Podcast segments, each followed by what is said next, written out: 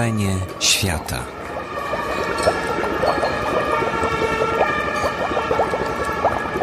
Wiki Radio oraz Instytut Reportażu zapraszają do wysłuchania spotkania zarejestrowanego w faktycznym Domu Kultury przy ulicy Gałczyńskiego 12 w Warszawie 1 grudnia 2015 roku. Na inspirującą podróż przez labirynt reporterskiej pracy zaprasza Agnieszka Wójcińska, autorka zbioru rozmów z wybitnymi reporterami z całego świata, między innymi Swietłaną Aleksiejewicz, Martinem Polakiem i Maciejem Zarębą-Bielawskim. Prowadzenie Michał Nogaś. Współpraca Wydawnictwo Czarne. Chociaż e, do dwóch pojechałam. E, jednym z nich był Gunter Wallraff. No i zdecydowanie było warto zobaczyć, jak Gunter Wallraff mieszka w kolonii, gdzie zresztą ma całą niewielką kamieniczkę wciśniętą pomiędzy e, między takie nowe plomby, ma starą kamieniczkę z przepięknym ogrodem, właściwie takim w toskańskim stylu, w którym ma zrobioną absolutnie nieprawdopodobną pracownię, o której myślę, że marzyłby każdy z reporterów. E, taki domek ogrodnika, cały pomalowany na biało, duże szyby, w środku półki z książkami, wielki stół do pracy i kamienie, bo on zbiera różne formy kamienne, które zostały ukształtowane przez naturę. Ale z Twojej książki wejdę słowo, przepraszam, wiemy też, że Martin Polak ma podobny dom. Tak, ale to wiem niestety tylko z opowieści. Może kiedyś jeszcze będzie mi dane odwiedzić Martina Polaka w jego domu e, wiejskim. E, natomiast e, no, z Gunterem Wallerafem na przykład było o tyle trudno, że on jest człowiekiem niesamowicie zajętym, bowiem to jest dziennikarz, który jest też społecznikiem. Więc przez chyba trzy godziny trwała ta rozmowa. Przez te trzy godziny, e, mniej więcej co 20 minut, co pół godziny do Walrafa albo dzwonił telefon e, i on musiał w jakiejś niecierpiącej zwłoki sprawie związanej z fundacją, on pomaga różnym ludziom, których historię opisuje, ma, ma fundację, którą założył na ten cel. Mhm. Albo w związku z programem, który prowadził wtedy w telewizji RTL, gdzie właśnie młodzi adepci dziennikarstwa idą jego metodą i wcielając się demaskują różne nie, nieprawidłowości w instytucjach i firmach. E, no ale mimo wszystko, e, mimo wszystko, jak już rozmawialiśmy, to była rozmowa bardzo intensywna. Drugi dziennikarz, do którego pojechałam, ale z którym się nie spotkaliśmy, to Jean Hansfeld, z którym umawiałam się najpierw e, na rozmowę przez Skype'a e, i nie udało nam się umówić. I potem się okazało, że jadę do Paryża zrobić inny wywiad. E, no i się umawialiśmy wstępnie, natomiast Hatzfeld niestety nie wrócił z Rwandy. I ostatecznie rozmawialiśmy na Skype'ie, ale przez te chyba pięć miesięcy umawiania się do tego czasu już zdołaliśmy się na tyle poznać, że właściwie chociaż to był Skype, to czuliśmy się jak dobrzy znajomi niemalże, więc Zupełnie tego nie odczułam. To się na szczęście czasem zdarza, jak się, jak się rozmawia przez różne nowe technologie, choć wiadomo, że nie jest to najlepsza metoda. A co Cię najbardziej interesuje w reporterze jako w człowieku? Myślę, że z czasem i im dłużej jestem w tym zawodzie, to jak on sam radzi sobie z bieżącą rzeczywistością. Tutaj, Ale dookoła świata? Yy, światem dookoła, czy jego prywatnego? Nie, jego prywatnego świata, dlatego że to jest taka praca, która jest bardzo wymagająca, co na pewno wiedzą wszyscy reporterzy obecni na tej sali, zarówno emocjonalnie, bo często się wchodzi w takie historie, które są trudne, ciężkie. Yy, trzeba sobie odpowiedzieć na pytanie, na ile temu bohaterowi chcemy pomagać, albo na ile to jest, nie wiem, nasze poczucie powinności, albo nie jest. Yy, ale też zwyczajnie no, jest się w terenie więc takie kwestie jak rodzina, czy w ogóle bliscy ludzie, mm, no jakoś to trzeba zorganizować. Więc to pytanie też się pojawia w wielu rozmowach. Ja je zadaję i Hatzfeldowi, który mi odpowiada na niezbyt optymistycznie, bo mówi o krótkotrwałych związkach, i e, Edowi Willami, który opowiada o tym, że właściwie czego najbardziej żałuje, to jakoś tam nadszarpnięta więź z córkami. E, I Swietłanie Aleksiejewicz, która nie bardzo mówi, bo w ogóle nie bardzo chce mówić o życiu prywatnym. I myślę, że to jest, e, no, że to jest w ogóle istotne pytanie, które powinien sobie zadać każdy, e, kto wchodzi do tego zawodu. Ocenę, jaką się płaci? Ocenę i też o to, czy, e, czy ja po pierwsze jestem gotowy na takie życie, ale też czy moi bliscy są gotowi na takie życie. Dlatego nigdy nie wiesz, bo nie wiadomo, w którą stronę cię pokieruje jakiś temat, prawda, dokąd dojdziesz. No nie wiesz, nie wiesz. Myślę, że tutaj Reporterzy z mojego pokolenia często żartują, że idealnym partnerem dla reportera jest, żartują, nie żartują, jest Alicja Kapuścińska, pani Alicja Kapuścińska w cudzysłowie. I oczywiście Alicja Kapuścińska może oznaczać zarówno mężczyznę, jak i kobietę. Chodzi po prostu o partnera, który rozumie Twoją pracę, ale który też na przykład jest w stanie wziąć na siebie różne obowiązki domowe, kiedy Ciebie nie ma. Albo kiedy Ty y, kolejne godziny ślęczysz przed komputerem czy w bibliotece, bo musisz coś sprawdzić dokładnie. No dobrze, czyli co? Na przykład reporter nie powinien zakładać rodziny jeżeli jest odpowiedzialny. Ja myślę, że to trochę jak z księdzem. Taki reporter bez rodziny to... Słabe porównanie. Nie wiem, czy słabe. Chodzi o to, żeby jednak czerpać z własnego doświadczenia, ale, ale myślę, że to jest e, taka rzecz, z którą trzeba się zmierzyć. No i warto sobie zadać o to. Pytam o to dlatego, że twoi reporterzy e, w tych rozmowach to widać i w ich twórczości dojrzewają z czasem, prawda, z wiekiem i z kolejnym tematem, który robią, więc pewnie mając lat 50 już wiedzą, że może lepiej było tego rodzinnego życia nie zaczynać, nie otwierać, bo 30 lat później to przynosi tylko trudne momenty. No z drugiej strony na przykład Wallraff, który mówi, że, e, że wie, że nie był może wystarczająco obecny w życiu swoich córek. Pociesza się tym, że może wyszło im to na dobre. Bo ma ich pięć. O wszystkich mówi, że są wspaniałe i opowiada, że robią bardzo ciekawe rzeczy. E, częściowo idąc też w jego ślady, jeśli chodzi o pomaganie ludziom. E, więc... Te, te rozmowy Agnieszki z e, bohaterami książki są skonstruowane, choć oczywiście dotykają rzeczy bardziej uniwersalnych i w ogóle ich pracy i zawodu zwykle opierają się na jakiejś konkretnej książce. Od niej wychodzisz albo ona powraca. Przy okazji pewnie ukazywania się książki po polsku albo wizyty w Polsce ten temat musiał się pojawić przy okazji rozmowy. Ale chciałem zapytać, czy był taki kanon pytań, które musiały się pojawić, niezależnie od tego, z kim rozmawiałaś. Czy to była blogerka z Puby, czy Aleksiejewicz, czy lekarz, który napisał reportaż z więzienia w Brazylii, to byłaś przekonana, że pięć pytań zawsze musi paść. Były to słowo w słowo brzmiące dokładnie tak samo e, pytania, natomiast były dwa takie wątki, które były bardzo kluczowe. No i jeden to jest wątek warsztatu, czyli tego, jak dana książka powstawała, tak zupełnie od kuchni. To zwyczajnie nie interesowało dla mnie samej, bo ja mam takie poczucie, że po tych 12 e, rozmowach ja się nauczyłam mnóstwa rzeczy dowiedziałam ważnych dla mnie i dających mi do myślenia, jeśli chodzi o podejście do zawodu. A druga rzecz e, to była kwestia e, roli reportażu współcześnie, no bo jednak świat się zmienia, dziennikarstwo się bardzo zmienia, internet wniósł ogromną zmianę, która idzie lawinowo i tak naprawdę my jeszcze nie wiemy, w jakim kierunku pójdzie dalej. Coraz częściej jest tak, że ludzie e, zwykli ludzie, uczestnicy wydarzeń, sami relacjonują pewne rzeczy na bieżąco, że e, te wiadomości, które od nich płyną przez, nie wiem, przez blogi właśnie, czy przez, e, czy przez jakieś filmiki wrzucane na YouTube'a, to one są pierwszymi e, informatorami o, o, o jakichś wydarzeniach gdzieś, gdzie na przykład dziennikarze nie dojechali. No a z drugiej strony też mamy całą jakby kulturę szybkiego newsa, tego, że to się po prostu tak zmienia E, i mieli w związku, e, w związku z tym internetem. Więc dla mnie takim bardzo ważnym pytaniem jest e, to, czy w ogóle reportaż ma jeszcze rację bytu. No, po tych rozmowach mam jednak wrażenie, że ma. Właśnie, to miało moje kolejne pytanie o to, co Ci odpowiedzieli i czy to była odpowiedź optymistyczna, że ten rodzaj twórczości, działalności przetrwa w dobie internetu, Twittera i tak dalej.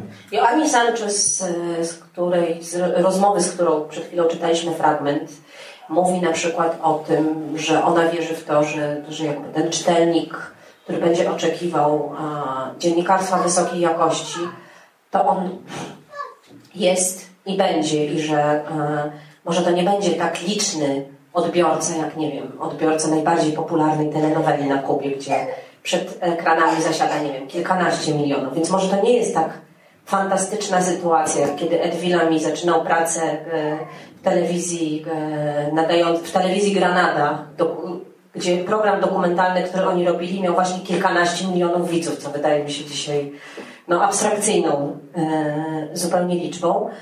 No natomiast jest tu mowa też o tym, że trochę to dziennikarstwo głębsze, reporterskie przepływa, o tym mówi Hatzfeld na przykład, przepływa z jakichś jednorazowych artykułów czy tekstów do książek po które sięgają ci, którzy są bardziej zainteresowani jakimś kawałkiem świata czy jakimś tematem. Um, więc myślę, że pewnie nie będzie łatwo, ale, yy, ale chyba nie jest tak, jak to lubią niektórzy wieszczyć, że ten zawód właśnie zanika i za chwilę już go nie będzie. Chciałem do pytań o warsztat teraz przejść, bo właściwie każdy ma swój sposób. Niby to jest podobnie, a jednak każdy ma swój sposób. Kto Cię zaskoczył? Kto mnie zaskoczył? Na swój sposób wszyscy mnie zaskoczyli, bo... Yy, ale też myślę, że szłam trochę z yy, innym nastawieniem niż szłam na rozmowy z polskimi reporterami w yy, swojej pierwszej książce, bo wtedy mi się wydawało, że ja znajdę taką złotą receptę, że tak zrobię te rozmowy, już tak będę wiedziała na pewno, yy, jak ten reportaż robić. No to teraz mam jeszcze więcej materiału do zadawania sobie pytań, ale jeśli chodzi o takie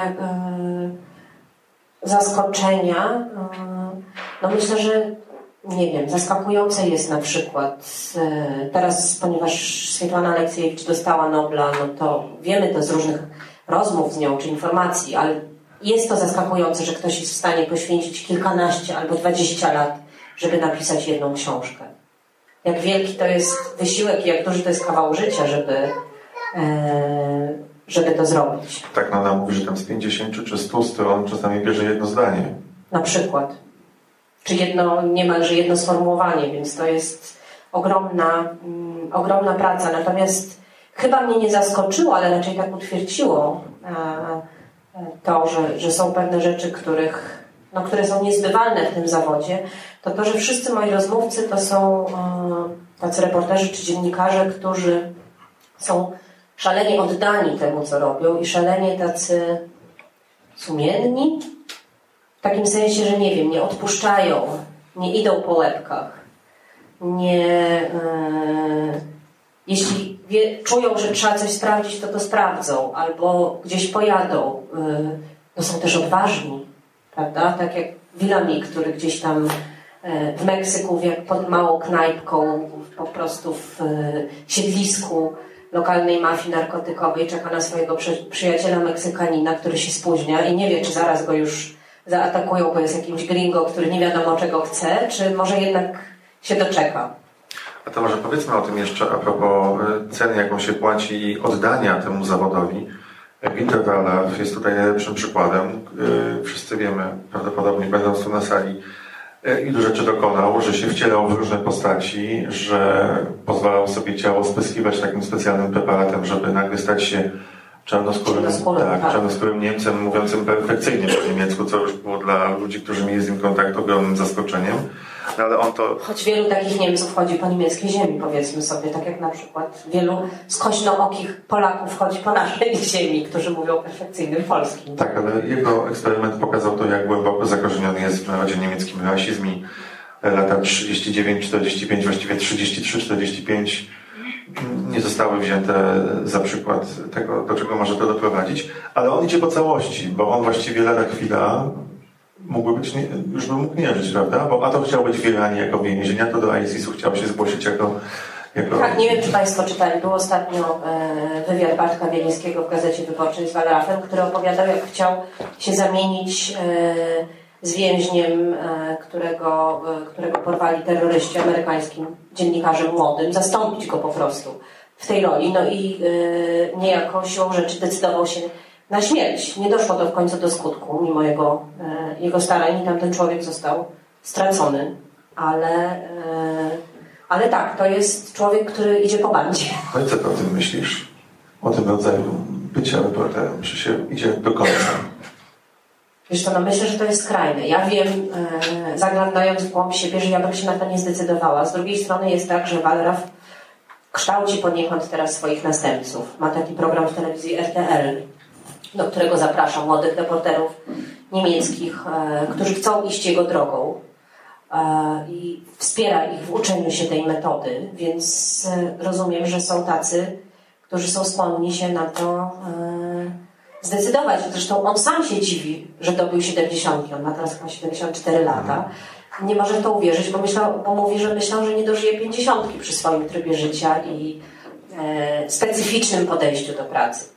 No tak, ale jeszcze się będę upierał przy odpowiedzi na to pytanie, co ty o tym myślisz, bo twoja książka to jest też taka paleta metod pracy, prawda? Od grzebania w fotografiach przez Martina Polaka, który szuka opowieści, daje w Cesarzu Ameryki zdjęcia ludzi niepodpisane, bo nie wie kto to jest, ale tworzy sobie w głowie historię, jak sam przyznaje, stara się jak najmniej fikcji dawać w swoich książkach, ale czasami mu się zdarza coś zmyślić. Ale bardzo drobne rzeczy, przyznajmy mu tutaj. No, no ale jednak, odnosząc się do twojej poprzedniej książki, jako też bez fikcji, to jednak jest to jakieś załamanie. Czy choćby Aleksiejewicz, która spędza godziny, dnie, tygodnie z ludźmi w kuchni i ich słucha, przez Wilamiego, o którym mówiłaś, właśnie po latach. To znaczy, czy jest jakaś granica bycia reporterem? Jeżeli on chce pojechać jako zakładnik państwa islamskiego i prawdopodobnie dać się stracić tylko po to, żeby coś udowodnić, no właśnie co? Co udowodnić? No ja myślę, że to jest pytanie do Guntera Wallrafa, a nie do mnie. E, ja tak jak powiedziałam Ci, e, dla mnie to jest zbyt skrajna metoda. Znaczy, to jest taka metoda, do, o którą ja bym się nie pokusiła. To jest granica? Zapytam o to, tak. Moja granica?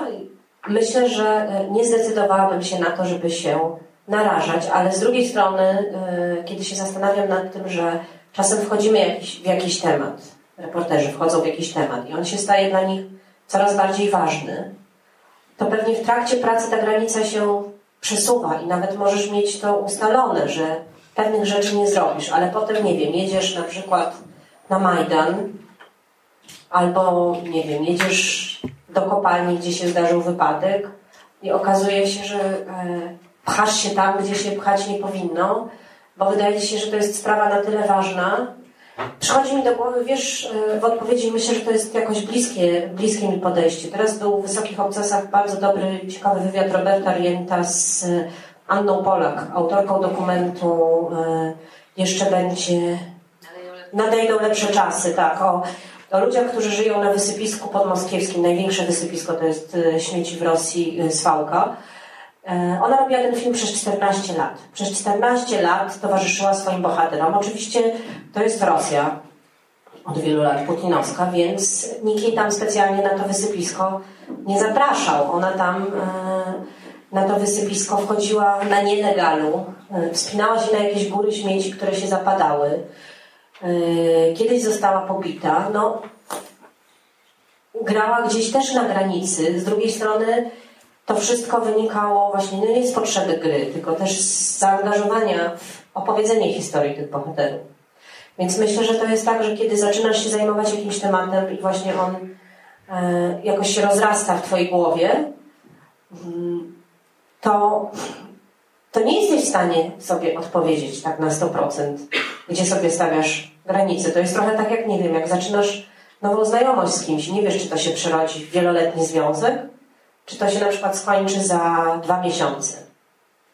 Myślisz sobie, no dobrze, zobaczymy. Najpierw, nie wiem, umawiasz się na kawę, potem zaczynacie robić coś wspólnie, a potem nagle się okazuje, że się budzicie, nie wiem, z kredytem na mieszkanie, dzieckiem w drodze i dwoma psami no to też jest jakiś rodzaj e, codziennej przygody, a nie, znaczy pewnie są tacy ludzie, którzy sobie określają granice tak ściśle, no ja chyba do nich nie należę. Wiesz, pytam o to dlatego, bo e, zastanawiam się, jaką rolę w e, zawodzie reportera, tu mamy Państwa na sali, więc może nam podpowiedzą, pełni strach. Może ciekawość, to wiadomo, ale strach. To znaczy, czy on jest tą barierą, która może zatrzymać, czy nie. Wydaje się, że takiego Wadrafa, do którego się przykleiłem, no nie jest w stanie zatrzymać. Facet, który właściwie umiera z odmrożenia organizmu. Prawie. Prawie, prawda? No, Śpiąc za cienkim śpiworze gdzieś pod dworcem. Tak, i modląc się, żeby nie zamknął oczu ze zmęczenia. To jednak chyba jest to bardzo ważne pytanie i oni też jakoś szukają odpowiedzi w Twojej książce. Ale nie zdradzimy, jakie są te odpowiedzi. I jeszcze jedna rzecz, to jest kwestia odpowiedzialności. To jest wątek, który się pojawia w Twoich rozmowach z reporterami ze świata, ale też z tymi naszymi z Polski w poprzedniej książce. To jest kwestia wykorzystania w cudzysłowie bohatera i tego, co potem się dzieje w relacji reporter-bohater, kiedy tekst się ukazuje już e, ten kontakt powinien się urwać, mówią niektórzy, inni uważają, że nie. No właśnie, w Twojej książce tej są tacy reporterzy, którzy czują się odpowiedzialni za bohaterów i odbierają od nich telefony. Jest ich całkiem sporo, powiedzmy sobie. E, myślę, że to jest tak trudne pytanie. To jest chyba jeden z tych tematów, na które my z koleżankami i kolegami reporterami ciągle rozmawiamy. To znaczy, e, zostawiać już tego bohatera, nie zostawiać. Co ja mogę dla niego zrobić? Czy jednak nie powinienem się angażować, nie powinnam się angażować, bo, e, bo reporter ma być niezależny.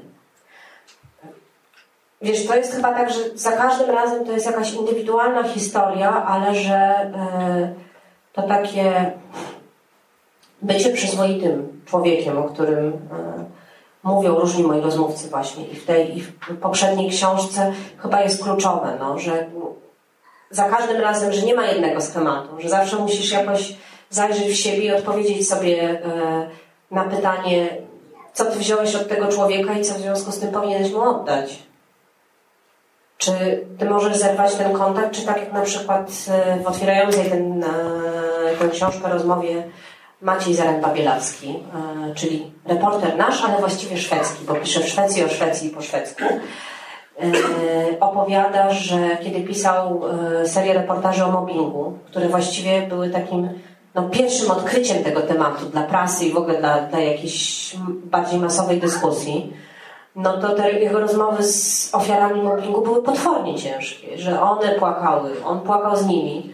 W związku z tym e, on czuje się w obowiązku odbierać od nich te telefony i mija rok, a on nadal je odbiera, ale też kiedy ktoś od niego żąda, żeby on wciąż opisywał jego historię, bo chce w ten sposób uzyskać odszkodowanie, no to w którymś momencie mówi stop. I myślę, że to jest. E, no nie mam takiego poczucia, że on się zachowuje nie w porządku, że to jest niezwykle trudna kwestia czegoś, co psychologia nazywa granicami. Czyli tego, gdzie my tą naszą granicę widzimy i, yy, i czy czujemy, że już powinniśmy jej bronić, czy, czy że jednak ona jest nie, yy, nienaruszana. No. Chyba, chyba nie ma takiej łatwej odpowiedzi, jak na przykład jest w psychologii, gdzie jak jesteś terapeutą, to wiadomo, że nie wolno ci wchodzić w osobistą relację ze swoim klientem czy pacjentem, zależnie od szkół, to się różnie nazywa. Może to wynika z tego, że terapeut też ma emocje, niektóre tematy są mówisze, więc... Myślę, że psycholog też ma emocje, ale że po prostu ma pewne jakieś wytyczne, których może się trzymać, a że chyba w zawodzie reportera nie ma tych wytycznych tak jasno określonych. Nie? No nie, i właśnie y, to jest najtrudniejsze. Myślę, że to jest też. Ja wychodzę z takiego założenia i dlatego chciałam porozmawiać z reporterami światowymi, ale czy wcześniej polskimi, ale dlatego też rozmawiam y, nieustająco z moimi koleżankami i kolegami na temat naszej pracy, bo wydaje mi się, że to jest taki zawód, w którym potrzeba jakiejś, jakiegoś wsparcia, czy właśnie znów użyję terminu psychologicznego, superwizji czyli tego, że z kimś, kto jest na zewnątrz w Twojej sytuacji e, zawodowej, ten temat przegadasz i zwyczajnie trochę się go porazisz. E, jak tutaj, albo po prostu no, wejdziesz w dyskusję, żeby sam sobie odpowiedzieć na pytanie, jak ty się powinieneś zachować, bo, e, no bo to jest jednak praca o dużym obciążeniu etycznym, tak bym powiedziała. Pięć miesięcy temu, w czerwcu, w połowie czerwca, w czasie Big Book Festiwalu Switłana Aleksiejewicz była gościem tu w Warszawie, wtedy jeszcze bez Nobla, ale już się mówiło o tym, że ma ogromne szanse i wtedy Agnieszka spotkała się z tą białoruską e, reporterką i pytała między innymi tak. Ile czasu po katastrofie zaczęła Pani pracować nad książką o Czarnobylu? Notatki zaczęłam robić od razu, ale początkowo nie chciałam o tym pisać, byłam strasznie zmęczona po książce o Afganistanie. Wydawało mi się, że już nie zniosę tych ludzkich dramatów, że mój zapis wytrzymałości, yy, zapas wytrzymałości na ból się wyczerpał. Ale wokół tyle się działo. Wsiadałam do taksówki, a kierowca zaczynał mi opowiadać, że ma dosyć, bo każdego dnia 10 ptaków rozbijało się o szyby. Takie są nieswoje po katastrofie. Albo widziałam starowinkę, która idzie i niesie jajka, a obok niej kroczy milicjant i pilnuje, żeby wyrzuciła je do ogromnej jamy za wsią. I to mnie wciągnęło, chociaż nie chciałam. To było coś zupełnie nowego, nigdy jeszcze nie opisanego. Pracowałam nad czarnobylską modlitwą 11 lat. Czy to był dla Pani taki rodzaj terapii po śmierci siostry? Nie do końca tak to traktowałam. Tutaj należy wyjaśnić, że siostra pani Swietłany zmarła. Ona była poważnie chora i Czarnobyl y, no, wyczerpał ją ostatecznie i, i zmarła w dość młodym wieku, 30 kilku lat. Chciałam zrozumieć sama dla siebie, co się wydarzyło. Jestem intelektualistką. W żadnym wypadku nie myślałam, że coś odkryję przed światem, choć oczywiście chciałam opowiedzieć o tym, o czym ludzie nie wiedzieli na świecie i u nas. Ale nie uważałam się za lwa Tolstoja. Po cichu, spokojnie wykonywałam swoją pracę. Skąd Pani bierze środki finansowe na pracę nad książkami? Szczególnie, że ta praca trwa tak długo. To też wyjaśnijmy. To, to było przed Noblem. To po pierwsze, a po drugie też wyjaśnijmy, że przecież w rozmowie po, po uzyskaniu informacji, że dostała Nobla, Swietłana Aleksiejewicz powiedziała dziennikarzom, że Aleksander Łukaszenka nie uznaje faktu jej istnienia, więc na pomoc państwa liczyć tej pracy nie mogło na jakiekolwiek stypendia. Więc wróćmy do pytania, skąd bierze środki finansowe na pracę nad książkami. Przez ostatnie kilkanaście lat mieszkałam za granicą, we Włoszech, Francji, Niemczech i Szwecji. Wszędzie miałam mieszkanie, nieduże stypendium wystarczające na życie. W Szwecji na przykład pisywałam do tamtejszej gazety. E, moje książki miały 150 wydań w różnych krajach, no i dostałam sporo różnych nagród, a to starcza na życie. Nie przesadnie bogate, ale normalne.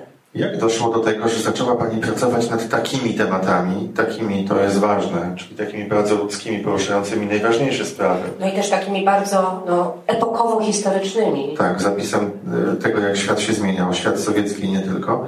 I że właśnie w taki sposób zaczęła Pani nad nimi pracować.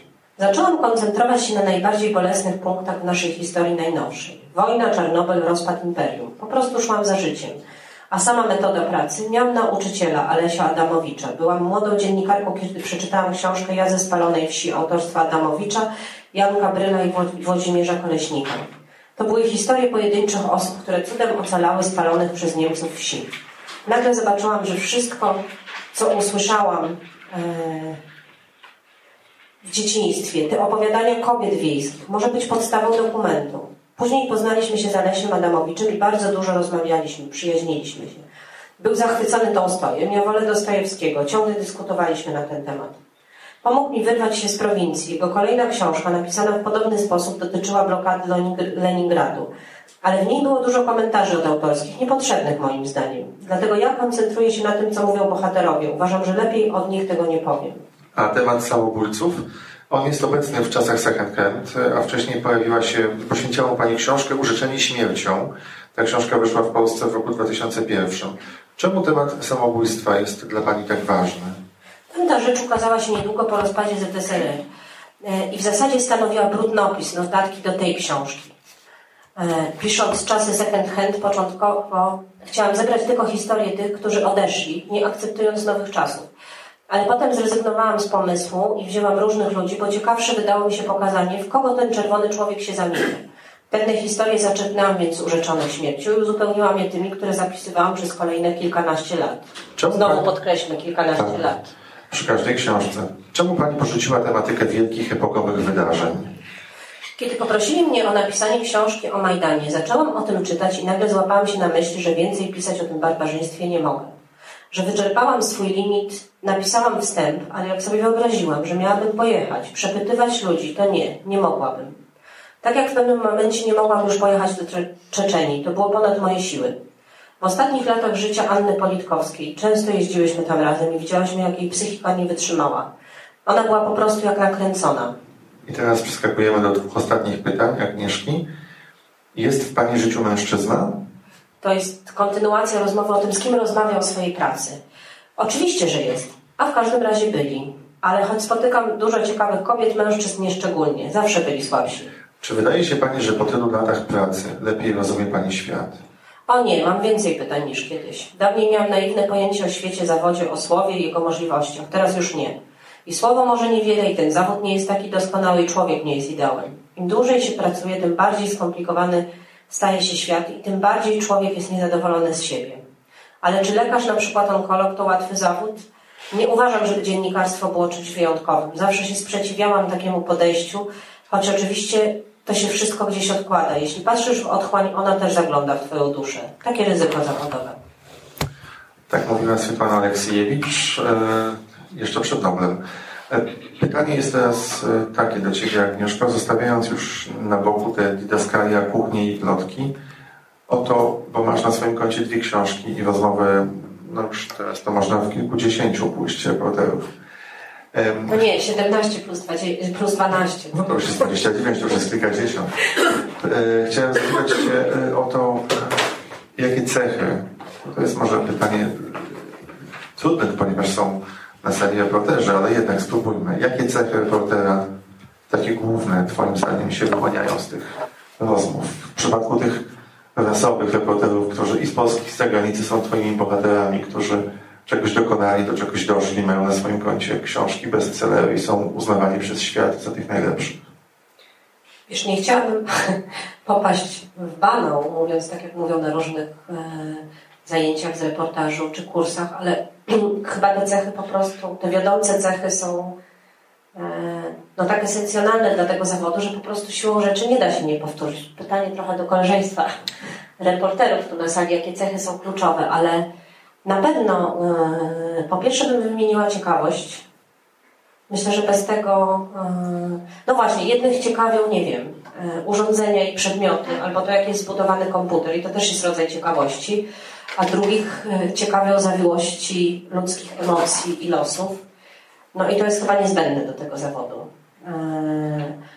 Druga rzecz, no to na pewno jest empatia.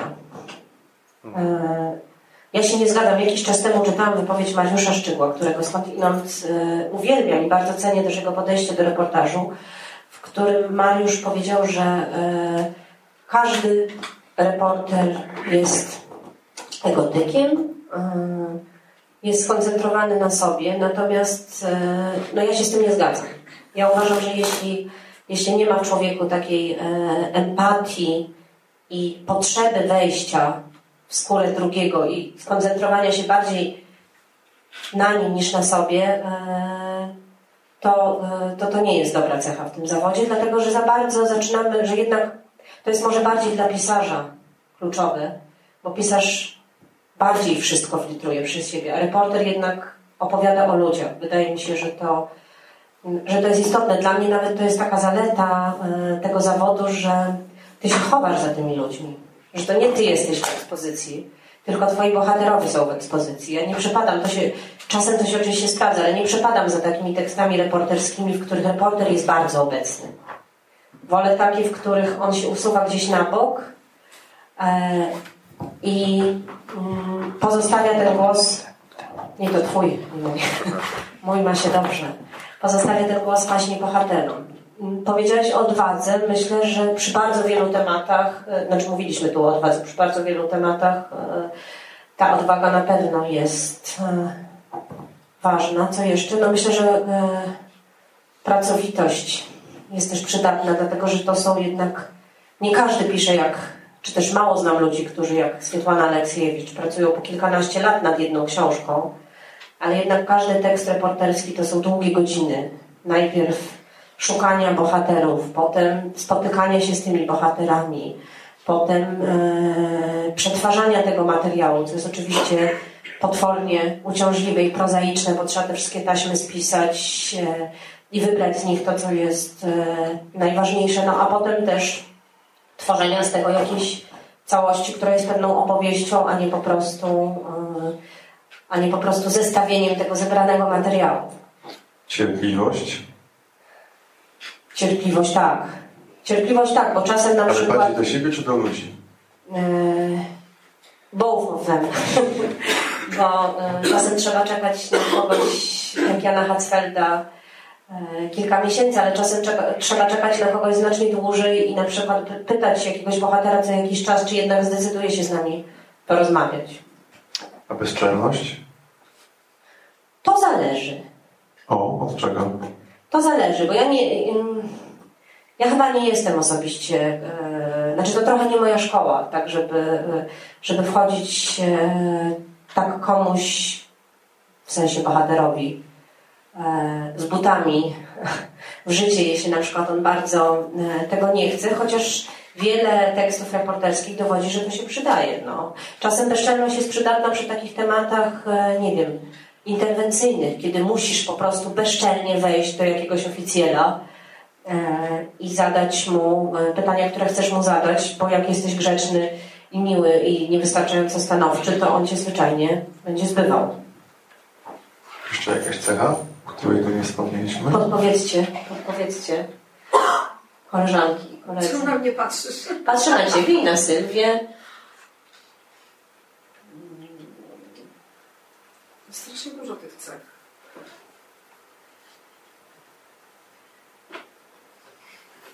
To chyba już trudne. Przebojowość?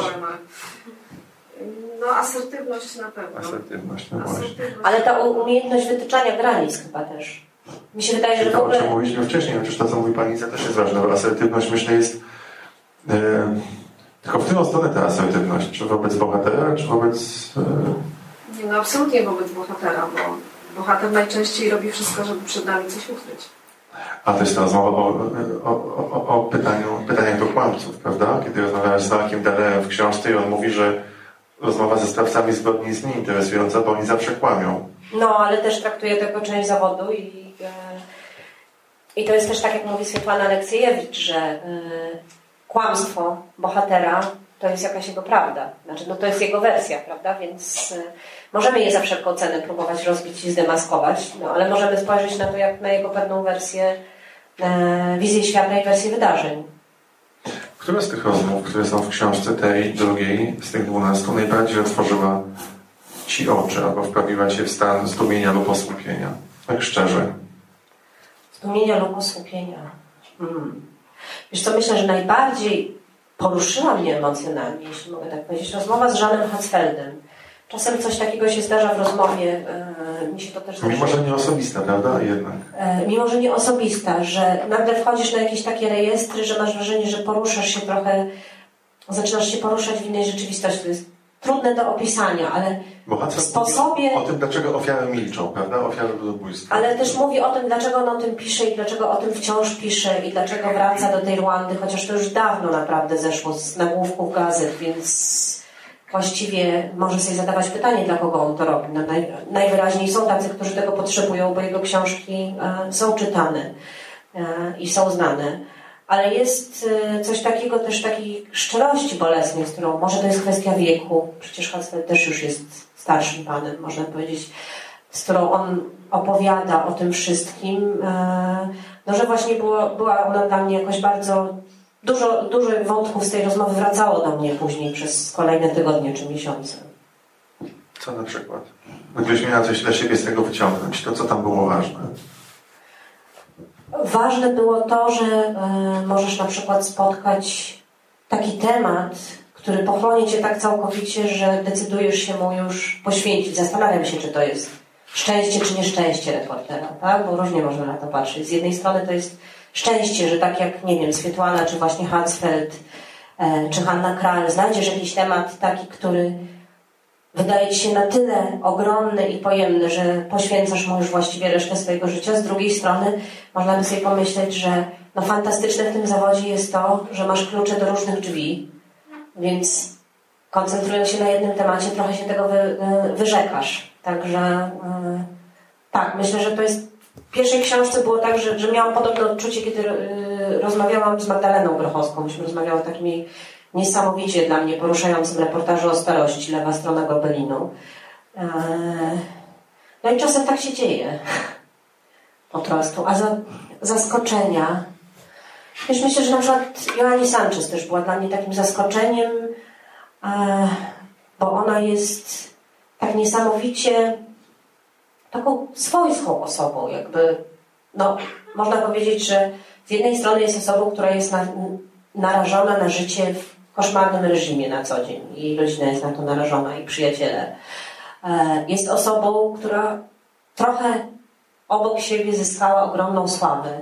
No bo jeśli ktoś się znajduje na liście 100 najbardziej wpływowych osób e, Time'a na przykład, no to jest to, można powiedzieć, jest to duże osiągnięcie, że jego blog jest tak szeroko czytany w świecie. e, A z drugiej strony to jest po prostu zwyczajna kobieta, czy też dziewczyna, jak powiedziałeś, która, nie wiem, ma swoje codzienne życie, właśnie rodzinę, dorastającego syna e, i stara się coś zrobić dla, e, dla swojego kraju. Tak, na takim bardzo pozytywistycznym poziomie. Przypominam ten zabawny efekt, zabawną stronę tej całej historii, która pokazuje, że Kubańczycy władzę do dzisiaj, znaczy dzisiaj to już wiedzą, ale przez lata myślały, że to mąż jej wszystko pisze i po męża przychodziła ubecja kubańska. kochamy społeczeństwa patriarchalne, wiesz, też mamy swoje za uszami w tym temacie. Na szczęście, jak się porównamy z, z krajami niektórymi azjatyckimi, czy właśnie z Kubą, to może nie jest u nas tak najgorzej, ale, e, ale jak mówisz o zaskoczeniach, wiesz, to tak sobie myślę teraz, że jeszcze zaskoczeniem była rozmowa, która chyba była ostatnią rozmową,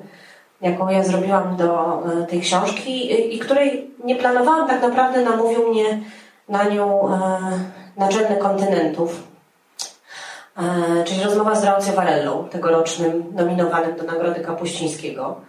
No i zaskoczenie jest takie, bo to jest człowiek, który wcale nie jest reporterem.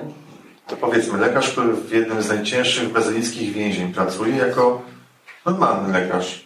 No, jako normalny lekarz, choć to nie jest takie normalne, bo w brazylijskich więzieniach, które do najprzyjemniejszych, sądząc z jego opowieści, książki, Nie należą.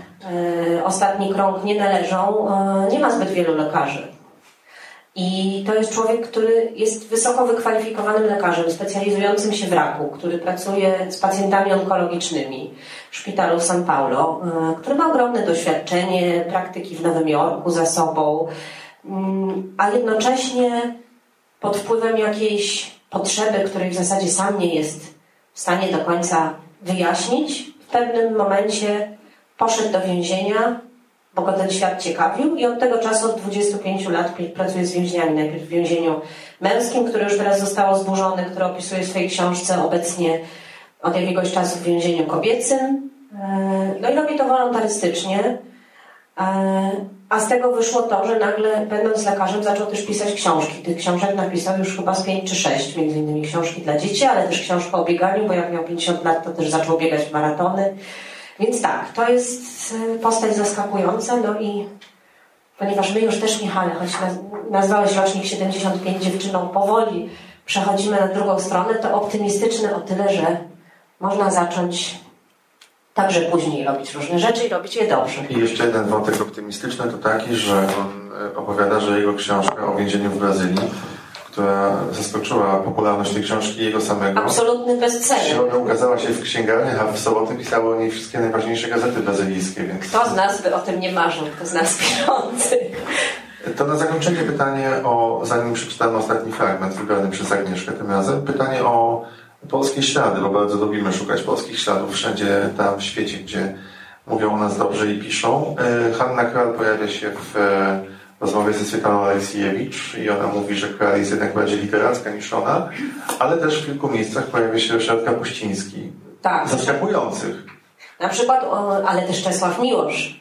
To też było dla mnie zaskoczenie, e, bo nie wiedziałam, póki nie poznałam Marka Danera o tym, że to właśnie Mark Danner, amerykański e, dziennikarz i reporter, który się zajmuje no, opisywaniem, od lat się zajmuje opisywaniem takich ważnych tematów powiązanych z polityką, między innymi związanych z terroryzmem, e, z więzieniami, z torturami stosowanymi w więzieniach wobec e, więźniów terro- z obszaru terrorystycznego. E, Jest właścicielem domu, który należał do Czesława Miłosza i w którym Czesław Miłosz napisał dwadzieścia kilka swoich książek, czyli domów Grizzly Peak. No tak, ale kiedy rozmawiasz z autorką reportażu o aborygenie, Australijką, która nagle wspomina Kapuścińskiego, to to robi wrażenie. Tak, to jest miłe, no i, e, i myślę, że, że, że to też pokazuje, że takie mówienie e, o tym, kiedy Swietłana Aleksiejewicz dostała Nobla, że tego Nobla miał dostać Ryszard Kapuściński, ale zmarł, to nie jest tylko taka nasza polska buta, tylko że rzeczywiście coś jest na rzeczy. Że to jest autor, który, który jest ważny e, no, w różnych miejscach i doceniany, nie tylko, nie tylko u nas w kraju. Dobrze, takim miłym akcentem zakończymy pytania. Jeżeli są pytania od Państwa, to za chwilę będzie na nie czas, a my przeczytamy jeszcze jeden fragment. To jest Norweg, prawda? Tak, to jest Norweg, Ketil Svenslik Östli, mam nadzieję, że wymawiam to prawidłowo, który zajmował się pisaniem o kulturze do czasu, aż napisał wspaniałą książkę e, Policjanci i złodziei o najbardziej macho facetach w Norwegii, czyli o e, takiej wieloletniej rozgrywce między najbardziej znanym w Norwegii policjantem, który walczy z przestępczością i przestępcą, który e, kradnie luksusowe samochody i słynne obrazy. I tenże autor chodził w okularach, prawda? Tenże autor chodził w okularach i w ogóle jest typem takiego intelektualisty. To też jest e, pod tym względem e, jedna z moich ulubionych rozmów e, w tej książce, bo dotyka tego wątku męskości, kobiecości, tego jak to się współcześnie zmienia i myślę, że kiedy Svenslik Östli ma dużo ciekawych rzeczy do powiedzenia na ten temat. No właśnie, pyta Agnieszka. Gdzie Twoje okulary? W Policjantach i Złodziejach, to jest tytuł książki, Piszesz, że przez nie Johnny i Peter już w czasie pierwszego spotkania zaszufladkowali cię jako intelektualistę i siłą rzeczy mięczaka. Używam ich tylko w domu, teraz mam szkła kontaktowe. Śmieje się. Zresztą nie chodziło tylko o okulary. Moje problemy z zatokami też wzięli za słabość. Przecież prawdziwi faceci nigdy nie chorują. Dla nich w ogóle to, że żyłem, yy, to jak żyłem, moja wiedza pochodząca głównie z książek, nie miała nic wspólnego z życiem prawdziwego mężczyzny. Według nich prowadziłem życie formatu A4 od 8 do 16, nudne nieprawdziwe, autentycznym życiem żyli oni. Musiałeś być dla nich jak kosmita. Pewnie dlatego postanowili zrobić z ciebie prawdziwego mężczyznę. Jak się z tym czułeś? Pamiętam moment, kiedy zorientowałem się, że mają takie plany. Oglądałem film Gorączka, słynny, y, słynny film z Alem Pacino y, i Robertem De Niro y, z, z Peterem, a kiedy wróciłem do domu, dostałem SMS-a od Johniego. Słyszałem, że naprawdę wciągnąłeś się w film. Jest, czyli jest w tobie jakiś potencjał. Potem któregoś wieczoru jechałem z Peterem samochodem, bardzo szybko, czego nie znoszę od dziecka, a tu przyszedł SMS od Brenny. E, podobno ze strachu prawie narobiłeś spodnie. Trochę się na to wkurzyłem, ale ostatecznie dołączyłem do ich projektu mężczyzna i sprawiło mi to sporo przyjemności. Naprawdę? Doszedłem do wniosku, że mój styl życia był strasznie zachowawczy, bezpieczny i wręcz burżuazyjny. Wypełniały go rozmowy na setki tematów i zapragnąłem życia aktywnego, a nie opartego wyłącznie na nieustannym analizowaniu rzeczywistości z perspektywy ironicznego obserwatora. Otworzyłem się na inne sposoby życia, z których wcześniej zdarzało mi się z przyjaciółmi złośliwie żartować. Nie, żebym chciał zostać policjantem albo złodziejem, ale dostrzegłem, że oni żyją na swój sposób, a ja na swój, wcale niekoniecznie lepszy. Nieco zmieniłem też swoje podejście do codzienności. Na przykład, kiedy kupiliśmy z moją partnerką mieszkanie, do najdrobniejszej naprawy musiałem wzywać fachowca. Postanowiłem, że od tego momentu będę sam starał się samodzielnie rozwiązywać takie sprawy. Albo sytuacja sprzed kilku tygodni. W środku nocy usłyszałem w moim mieszkaniu, które jest dwupoziomowe, straszny hałas na dole, gdzie jest wejście. My śpimy na górze z dzieckiem, dwójka kolejnych w pokoju obok. Myślę, że przed poznaniem Johniego i Petera schowałbym głowę pod poduszkę i wysłał SMS do policji. Ratujcie nas. A teraz wziąłem jakiś ciężki przedmiot leżący obok łóżka. Wypiąłem klatkę piersiową i żeby zademonstrować swoją dominację, tak jak obserwowałem to u nich, zacząłem głośno wołać. Co się tu dzieje do cholery? O co chodzi? Bałem się, ale zszedłem na dół. Okazało się, że to nasz sąsiad, który po pijaku pomylił drzwi. Byłem pod wrażeniem, że naprawdę coś się we mnie zmieniło. Kiedy uznałeś, że twoje zmagania z byciem prawdziwym mężczyzną warto opisać? Prawie do końca nie planowałem wprowadzać tego wątku. Wydawnictwo go nie chciało, ale nagle uświadomiłem sobie, że gdy wracam do domu po spotkaniach z Johnem i Peterem, to najwięcej odpowiadam przyjaciołom o sprawach związanych z męskością. Że podobno nie czują bólu, że obawiają się noszenia okularów. Budziło to żywą reakcję, sporo śmiechu. Notując w czasie spotkań z bohaterami, zapisuję uczucia, jakie się we mnie pojawiają, a jeśli wydadzą mi się szczególnie ważne, robię wokół nich kółko. Staram się je ocalić dla czytelnika, by potem, czytając tekst, też się odczuł i nagle zrozumiałem, że wśród tych zakreśleń zapomniałem o tym, co śmieszne. Postanowiłem włączyć to do książki. A kiedy postanowiłeś uczynić męskość jednym z najważniejszych tematów książki? Dość szybko. Męskość jest kluczem do zrozumienia świata przestępczego i policyjnego, który opisuję.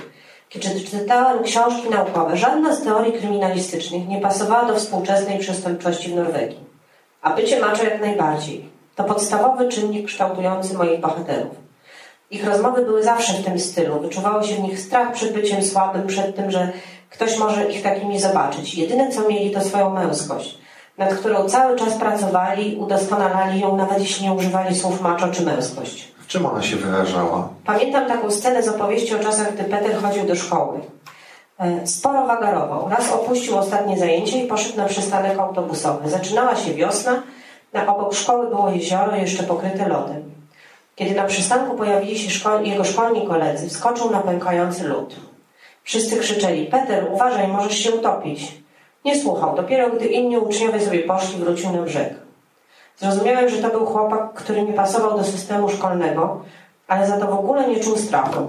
Status innych wynikał z ich dobrych stopni osiągnięć w sporcie. Jego z odwagi. Czuł po potrzebę, by być widzianym inaczej. To na koniec pytanie takie, 12 rozmów. E, to znowu wątek granic tu powraca. Tak. I wcielania się. Też. I odkrywanie się. Mężczyzny na przykład. Na przykład. Pytanie e, ostatnie, po wiele rozmów, wiele godzin spisywania tych rozmów, redakcji książki. Jak tak sobie siedziałaś, czytałaś tę książkę, to czy przy którymś z autorów pojawiła się jakaś Cholera, nie zapytałam o to. Wiesz co, myślę, że zawsze tak jest, a nie masz tak, że jak kończysz nagranie, to myślisz sobie, cholera, nie zapytałem o to. Ale to nie jest odpowiedź na moje Ej, ale pytanie. ja myślę, że to jest niedelikatność w ogóle o to pytać. To przepraszam, na koniec będę niedelikatny. Yy, Na pewno się pojawią. Wiesz, nie, nie, nie przypomnę sobie teraz e, konkretnych takich rzeczy, ale myślę sobie, że właśnie e, no na przykład w świecie idealnym, gdyby było tak, że miałabym możliwość pojechać do kogoś z moich bohaterów, czy i na przykład odwiedzić go ponownie, to chętnie bym zrobiła, no z pewnością, z chęcią bym pojechała do Swietłany Aleksiejewicz i spróbowała z nim jeszcze e, trochę porozmawiać o niej jako, e, jako o osobie, bo ona bardzo niechętnie o tym opowiada, a myślę, że czas mógłby tu odegrać sporą rolę. Więc zawsze są takie pytania, ale w którymś momencie musisz też sobie powiedzieć, że okej, stop. Ja zresztą teraz wiesz, nie pamiętam, ale do kilkorga z nich pisałam jakieś pytania potem jeszcze mailem, bo coś mi się nasuwało, kiedy pracowałam nad wywiadami i czegoś mi brakowało, żeby, e, żeby coś mi dodali albo wyjaśnili, albo e, ukonkretnili jakimś przykładem. To mówiłaś w czasie naszego spotkania, że wiele się dowiedziałaś wiele się nauczyłaś, yy, pracując nad tymi dwiema książkami. To gdybyś miała powiedzieć, co najbardziej do Ciebie dotarło albo wzięłaś dla siebie z tych rozmów. Wiesz co, najbardziej to, że, e, że ja jako e, też reporterka, bo ja też piszę reportaże, e, czy, czy nie wiem, czy robiąc wywiady, no muszę, tak jak i każdy e, z nas w tym zawodzie, znaleźć swoją własną metodę. Że to jest tak, że warto jest mieć swoje autorytety ja je mam i wśród rozmówców z tej książki i z pierwszej książki, czyli takie osoby, do których podejścia do pewnych kwestii wracam, kiedy mam jakiś dylemat. No ale właśnie, że nikt mi nie da, nie da ostatecznej odpowiedzi na to, jak mam to robić. Tylko, że muszę, e, muszę do tego dojść sama, trochę metodą prób i błędów, e, trochę zastanawiania się i porównywania tych różnych, pode, różnych podejść i, no i poczuć też, co, co najbardziej jakby jest moje. No, to wszystko przed Tobą dopiero. No wszystko, oczywiście w końcu jesteśmy dziewczynami i chłopakami. Agnieszka Wójcińska, dziękuję Ci bardzo. Bardzo Państwu dziękujemy. Czy są jakieś pytania do Agnieszki? Bardzo Państwa zachęcam. Zawsze jest ten trudny moment. Państwo się wstydzą albo coś. Prowadzący coś musi mówić. Bohater nie wie, czy książka jest fajna, czy nie, bo nikt nie pyta. Wiesz co, to ja jeszcze, y, skoro No Państwo myślą, tak się kończy, że Państwu kończy. narodzi, ale e, chciałam powiedzieć, bo w tej książce e, na końcu są podziękowania, ale taka rzecz, która to, nie nazwałabym tego zaskoczeniem, raczej takim e, wspaniałym objawem świata, to jest to, że mnie przy pracy nad tą książką pomogło strasznie dużo osób i chciałabym siedząc tutaj im podziękować, bo pomogli mi zarówno ludzie, którzy w niektórych przypadkach byli moimi tłumaczami, bo co prawda znam rosyjski i angielski, a to były główne moje e, języki, w których rozmawiałam z moimi rozmówcami, ale na przykład nie znam hiszpańskiego e, ani francuskiego, e, więc były takie osoby, które mi te rozmowy tłumaczyły. Była osoba, moja wspaniała koleżanka, dziennikarka, która mieszka w Kolonii, Melanie Longeriś, e, która mnie gościła pod swoim dachem, kiedy pojechałam do Walrafa. Była osoba, która część tych wywiadów pomagała mi spisywać. Także to jest naprawdę, naprawdę duża rzecz. E, Nie mówiąc właśnie o moim mężu i mojej teściowej, bez których ciężko by mi było wykonać taką pracę, e, mając jednocześnie na głowie rodzinę i dom. Bo niestety nie mam gosposi na stałe. I raczej się na to nie zanosi. Dobrze. Nie ma pytań? Jedno, bo dowiemy, co mówią bohaterowie tej książki. W sensie jak przeczytacie. Tak, tak. tak. Więc po, powiedz Agnieszko, czy jest ktoś, z kim, kogo chciałabyś bardzo widzieć w tej książce, a się, a się nie udało? Tak, jest na pewno jedna taka osoba e, i to jest e, Catherine Boone, autorka książki absolutnie niesamowitej, zawsze piękne, o indyjskich slumsach, która spędziła w tych slumsach kilka ładnych lat mieszkając tam i z którą niestety mimo moich usiłowań i cierpliwości nie udało mi się, e, nie udało mi się ani spotkać, ani też porozmawiać z nią za pomocą technologii. No a potem no czas też gonił. Może gdybym czekała kolejne parę lat, jak na Swietłana Aleksiejewicz, to by się udało. No to ja mam jeszcze jedno pytanie, jeżeli mogę. Oczywiście. E, a propos e, takiej tożsamości reportera, mianowicie czy zauważyła Pani jakąś taką różnicę w stylu, w formie reportażu, w postrzeganiu tradycji reportażu ze względu na pochodzenie? No jak najbardziej. Myślę, że nie wiem, reportaż anglosaski czy amerykański jest, a jeszcze autorskie metody. Nie wiem, jak pan, dla mnie na przykład gdzieś tam na, na krańcach kontinuum e, są powiedzmy Gunter Wallraff e, i nie wiem, i Mark Danner. Mark Danner, który jest e, bardzo takim człowiekiem, który działa, nie wiem, w służbie faktów, do których dociera bardzo w dociekliwy sposób, ale jednak metodami powiedziałabym bardziej tradycyjnymi. No i Wallraff, który prowokuje pewne sytuacje. No to, to są dwie... E, a jak do tego, nie wiem, dołożymy Joanni Sanchez, która po prostu pisze o tym, wśród czego żyje, to, e, to, to no, no, no, bardzo, się, bardzo się to różni, nie wiem, a z drugiej strony mamy Swietłanę Aleksiejewicz, która bardziej niż na faktach koncentruje się na emocjach. No i to już jest zupełnie coś innego, bo przecież jak ona prowadzi, ona prowadzi ze swoimi rozmówcami wielogodzinne e, rozmowy. To jest kilka spotkań, czasem to jest dziesięć spotkań, więc ona, y, oni muszą opowiadać o mnóstwie faktów ze swojego życia, czy z historii y, Związku Radzieckiego, a potem poszczególnych y, krajów, a ona z tego wybiera głównie tę materię, która dotyczy emocji, więc myślę, że odpowiadając na Pana pytanie, jakby dwie rzeczy się nakładają. Jedna to jest pewna tradycja, no a druga to są jakieś osobiste predyspozycje reportera i to, że on się koncentruje e, akurat e, na pewnym rodzaju e, zdarzeń czy, czy materii. Albo na przykład taki Liao Yu, który jest zupełnie innej tradycji, nam nieznanej, pisze o Chinach i my tego w ogóle nie rozumiemy często, co tam się dzieje w środku, prawda? I on to jakoś próbuje wyłożyć. I też tak opowiada o tym, że o wszystkim mówi tak, bardzo dużo mówi, bo tam taki jest język i w ogóle taki sposób opowiadania. I jeszcze gra na flecie. I jeszcze gra na flecie siało. O Liao Yu chciałam zapytać, bo mam, mam wrażenie, że dwie osoby w tej książce poszerzają jakąś definicję reportażu i ciekawi mnie, czemu jest tu Liao i czemu jest tu Joanni Sanchez. Nie są to reporterzy. No właśnie, dla mnie jednak są, biorąc pod uwagę to, co... Ja myślę, że to jest też tak, że jak pisałam, rozmawiałam z polskimi reporterami, to jednak ta tradycja polskiego reportażu, ona chyba jest bardziej spójna.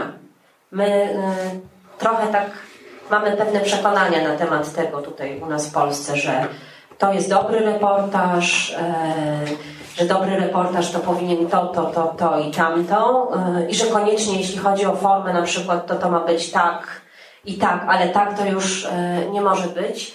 No a poza tym jest w tym czysto taka osobista sprawa, to znaczy jedna i druga książka to były dla mnie absolutne fascynacje. Więc po prostu ta książka to jest trochę też tak, taki mój koncept życzeń, to znaczy dzięki temu, że zbierałam materiał do książki, to mogłam sobie pozwolić na to, żeby porozmawiać z tymi, którzy byli dla mnie hiperciekawi. No. A twoja najtrudniejsza rozmowa? Bezwzględnie ze Swietłaną Aleksiejewicz. I tu jest, spieraliśmy się właśnie przed spotkaniem z Michałem, bo w czasie Big Book Festiwalu Michał też prowadził z panią Swietłaną rozmowę i mówił, że rozmawiało mu się wspaniale, ale jest tu też na sali moja e, wspaniała koleżanka Ula Japońska, która robiła kiedyś rozmowy, jeszcze zanim ja robiłam, ze Swietłaną Aleksiejewicz do Wysokich Obcasów. I pamiętam, że wróciła z tej rozmowy i opowiadała, że było strasznie, że po prostu bardzo ciężko, że ona zadawała jakieś pytania, a pani Swietłana... Mówiła, co chce powiedzieć. Tak. Y, ja też miałam trochę, ty też Iza miałaś okazję robić rozmowę z Swietłaną Aleksiejewicz dawno temu i, i teraz ostatnio, kiedy prowadziłaś warsztaty z nią, ona była w Polsce, y, no mam wrażenie, nie odpowiedziałam sobie do końca na pytanie, z czego to wynika. Czy to wynika z tego, Może że... z płci były takie podejrzenia, że Nie, nie, nie. Wiesz, jednak tak się zastanawiam, nad, czym myśmy tak rozmawiali, ale chyba jednak nie, że wydaje mi się, że może to jest tak, mam kilka hipotez, że pani Swietłana już jest po prostu bardzo zmęczona tymi wszystkimi rozmowami, których tyle prowadziła i prowadzi cały czas w życiu. Mm, ale moja druga hipoteza jest taka, że ona jest po prostu bardzo skrytym człowiekiem. Tak. I że ona właśnie wykorzystuje to, że reporter może się schować za bohaterem, więc nie bez powodu jej metoda jest taka, jaka jest. Tutaj tym z Państwa, którzy tego nie wiedzą, bo y, parę razy spotkałam się z takim e, pytaniem e, od różnych osób, czy też stwierdzeniem, że to na pewno jest tak, że Swietłana Aleksiejewicz nagrywa te rozmowy, a potem spisuje je jeden do jednego. No więc oczywiście absolutnie tak nie jest. To, że w jej książkach mówią bohaterowie, to nie znaczy, że to jest taka prosta praca, że ona po prostu spisała i wybrała jakieś fragmenty, tylko to jest ciężki kawałek chleba z układaniem poszczególnych elementów tej mozaiki, e, ale myślę sobie, że to jest także nie bez powodu to jest taka metoda, że ona eksponuje bohaterów, a jej zupełnie w tym nie ma. Że to są monologi, chociaż wiadomo, że ona zadaje im pytania i potem przekształca to w monologi, które e, w pewien sposób poruszają jakieś wątki. Także Ja po prostu myślę, że, że y, po- po mojej jakby z nią y, rozmowie, że u niej występuje jakiś taki ciąg życiowych, we, gdzieś prywatnych zranień, tak głębokich, że jako człowiek nie chce o tym mówić. Po prostu jest, absolutnie ma to, jest, jest to totalnie ukryte. Ja jestem o tym po prostu w 100% przekonana, że to są rzeczy, których ona nie ujawnia i myślę, że, myślę, że masz rację i dlatego właśnie tak mi się marzyło, żeby móc do niej na przykład pojechać, posiedzieć kilka dni i spokojnie z nią rozmowa, więc właśnie to jest błąd. porozmawiać. Bo, bo moim zdaniem należałoby właśnie, gdyby była sytuacja idealna, o której mówisz, prawda, że jedziesz tam do niej, na tą wioskę, do tego jej domu. Czy nawet do Mińska, do, albo do tego albo do miejsca, bloku, ale domek mieszka. jest jej najbezpieczniejszym miejscem, nie? Tam, gdzie pracuje, tam, gdzie odwiedzają ją jej... No to E, jest kolejna rzecz, bo ja chciałam pojechać do niej, tylko że nie puścili mnie po prostu zwyczajnie na Białoruś. na Białoruś, no właśnie, no właśnie. Myślę, że tu jeszcze... Musieliśmy się w Paryżu spotkać, ona leciała do Paryża i ja też. Może jeszcze w grę wchodzi ten najpiękniejszy ze światów, w którym ona żyła, dorastała i będzie rzeczy, do którego Na wraca. Ukrainę? No tak, też o tym myślałam, że Realia. ale to już nie są No. miejsca, w których żyje. Ukraina tak? może nie, ale Bardzo zachęcam kogoś z Państwa, jeśli, a są tu na pewno piszący e, na sali też, czy młodzi adepci zawodu, żeby kiedyś coś takiego zrobić i taką rozmowę z Panią Swietłaną przeprowadzić. Taką, No będzie to taką właśnie w jej stylu, choć myślę, że, że to będzie ciężki. Teraz to może po prostu być ciężko z powodu na jej grafik, jak myślę, bo ma być No ona sobie nie pozwala wydrzeć żadnej tajemnicy po prostu. Znaczy dba z wielkim trudem, tak, tak, tak. Nie no, troszkę, tak są, tak Tak są, czy są, czy... Ja myślę, że gdyby do tego doszło trochę dobrej białoruskiej wódki, to trochę byłaby to inna rozmowa, bo jednak to jest... y, No myślę, że to, ale myślę, że czas też, bo ja na przykład właśnie byłam... Perspektywa wódki, taki nowy tytuł twojej książki. To powiem tylko. Byłam e, pod pewnym wrażeniem takim, mm, jeśli chodzi o śledzenie o dynamiki tej rozmowy, że myśmy, bo myśmy rozmawiały myślę, że ze 3,5 godziny. E, no i rozmawiałyśmy, między innymi pojawił się wątek córki pani Swietłany, więc pierwsza rzecz, e, że dopiero właściwie po półtorej godziny, że padł wątek córki, po czym po półtorej godziny pani Swietłana mówi, że właśnie to nie jest jej córka, tylko córka jej siostry, tej, która zmarła, którą ona adoptowała. E, Po czym jakby kolejną rzecz na temat tej córki, to ona już mi dopowiada, jak ja ją windą odwożę do pokoju, gdzie poprosiła mnie, żeby jej skręcić klimatyzację, bo ma, bo ma chore zatoki, więc to też pokazuje, e, jaki to jest e, typ rozmówcy. To tutaj Tak, na, na, przeciwnym biegunie jest na przykład Ed Villamy, który w sposób nieprawdopodobnie otwarty mówi właściwie, odpowiada na każde pytanie, które mu się zada i który jest po prostu rozmówcą, no powiedziałabym, że na swój sposób wymarzonym.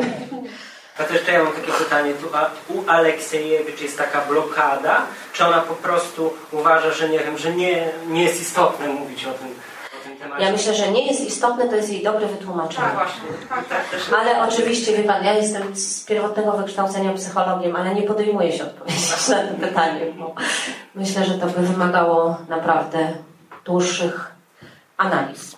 Uważajcie, bo was PTP zaraz upomni. Z tą diagnozą psychologiczną. No właśnie dlatego nie będę tego robić. No. Ciąg dalszy w kuluarach. Bardzo Państwu dziękujemy za dzisiaj. Za przebycie książkę można nabyć z tyłu, wziąć autograf od Agnieszki. Dobranoc. Bardzo Dziękuję dziękujemy. bardzo. Dobranoc.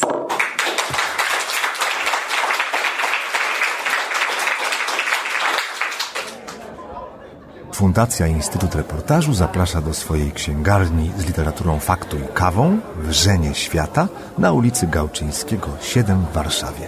Wejście przez bramy Nowy Świat 48 i Nowy Świat 52.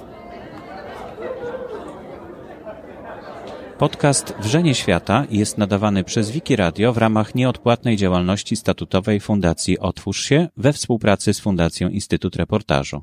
Wszystkie nagrania można znaleźć na stronie wrzenie.podcasty.info, w iTunes i w katalogu polskich podcastów podcasty.info. Zapraszam do słuchania pozostałych podcastów Wikiradia. Można znaleźć je na stronie podcasty.info ukośnik Wikiradio.